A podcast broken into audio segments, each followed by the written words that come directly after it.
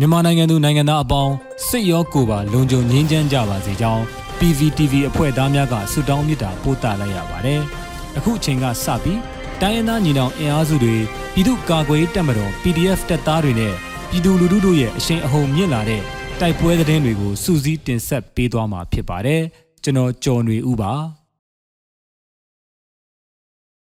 ပထမဦးစွာ စစ်တပ်နဲ့ SSPB ကြားတိုက်ပွဲဖြစ်ပြီးစစ်ကောင်စီဘက်မှ3ဦးသေဆုံး5ဦးဒဏ်ရာရတဲ့တဲ့တင်တင်ဆက်ပါမယ်။ရှမ်းပြည်နယ်မိုးမိတ်မြို့နယ်ဝမ်အောင်ကြီးရွာမြောက်ဘက်ရှိ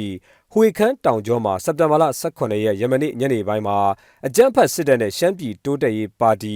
ရှမ်းပြည်တပ်မတော် SSPB SSA ကြားတိုက်ပွဲဖြစ်ပွားခဲ့ပြီးစစ်ကောင်စီဘက်မှ3ဦးသေဆုံး5ဦးဒဏ်ရာရကြောင်းသတင်းရရှိပါရယ်။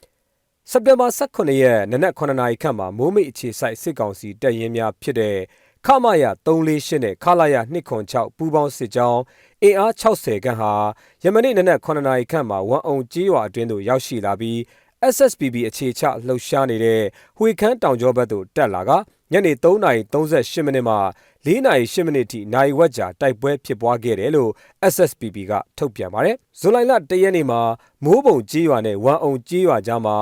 SSPB နဲ့အကြမ်းဖက်စစ်တပ်ကြားတိုက်ပွဲဖြစ်ပွားခဲ့ပြီးအခုတစ်ကြိမ်တိုက်ပွဲထပ်မံဖြစ်ပွားခြင်းဖြစ်ကာစစ်ရေးတင်းမာနေတယ်လို့ SSPB ကသတင်းထုတ်ပြန်ပါတယ်။ဆက်လက်တင်ဆက်မှာကပေါ့မြို့နယ်မှာကင်းလည်နေတဲ့စစ်တပ်နဲ့ပြူစောထီးများကို drone ဖြင့်ဘုံကျဲခဲ့တဲ့တဲ့မှာ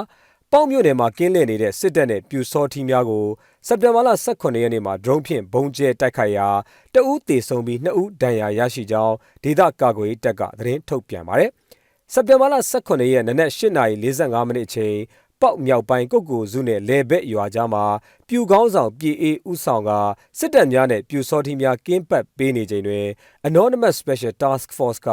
drone ဖြင့်ပစ်ခတ်တိုက်ခိုက်ရာပြူစောထီးတဦးသေဆုံးပြီး နှစ်ဦးထိခိုက်ဒဏ်ရာရရှိကြောင်း Anonymous Special Task Force ကဆိုပါတယ်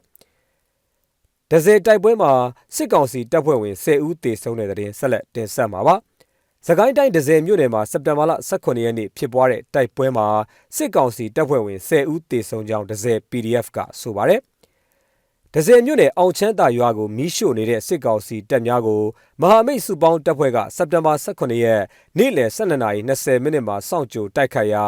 10မိနစ်ခန့်တိုက်ပွဲပြင်းထန်စွာဖြစ်ပြီးစစ်သား10ဦးခန့်သေဆုံးခဲ့ကြောင်းသိရှိရတာပါ။နောက်ဆုံးအနေနဲ့မင်းကင်းတိုက်ပွဲစစ်သား2ဦးသေဆုံးတဲ့တဲ့တင်တင်ဆက်ပါမယ်။စက်တင်ဘာလ18ရက်နေ့မွန်လွယ်တနာရီချိန်မင်းကင်းမြို့နယ်တောင်လက်ဒေသအရှိကူလဲတွင်တက်ဆွဲထားတဲ့စစ်တပ်နဲ့ ပြူစောထီးများကိုမင်းကင်းမြို့နယ်ပြည်သူ့ကာကွယ်ရေးတပ်ရင်းနှင့်တပ်ခွဲနှင့်မဟာမိတ်အဖွဲ့များဖြစ်သောရွှေဒရိကန်တပ်ရင်းဒေသခံပကဖအဖွဲ့ဖြစ်တဲ့တိန်လွာဒေါင်းမင်းတပ်ဖွဲ့များထိတွေ့မှုဖြစ်ပွားခဲ့ကြောင်းအဆိုပါတိုက်ပွဲမှာစစ်ကောင်စီဘက်မှ2ဦးသေဆုံးကြောင်းဒေသကာကွယ်ရေးအဖွဲ့ထံမှသိရပါဗျ။မင်းကင်းမြို့နယ်မှာစစ်ကောင်စီနဲ့အတူပြူစောတိတပ်တွေပါလှုပ်ရှားနေတာကြောင့်ဒေသကာကွယ်ရေးတပ်တွေနဲ့မကြာခဏထိတွေ့တိုက်ပွဲများဖြစ်ပွားနေပါတယ်ခင်ဗျာ။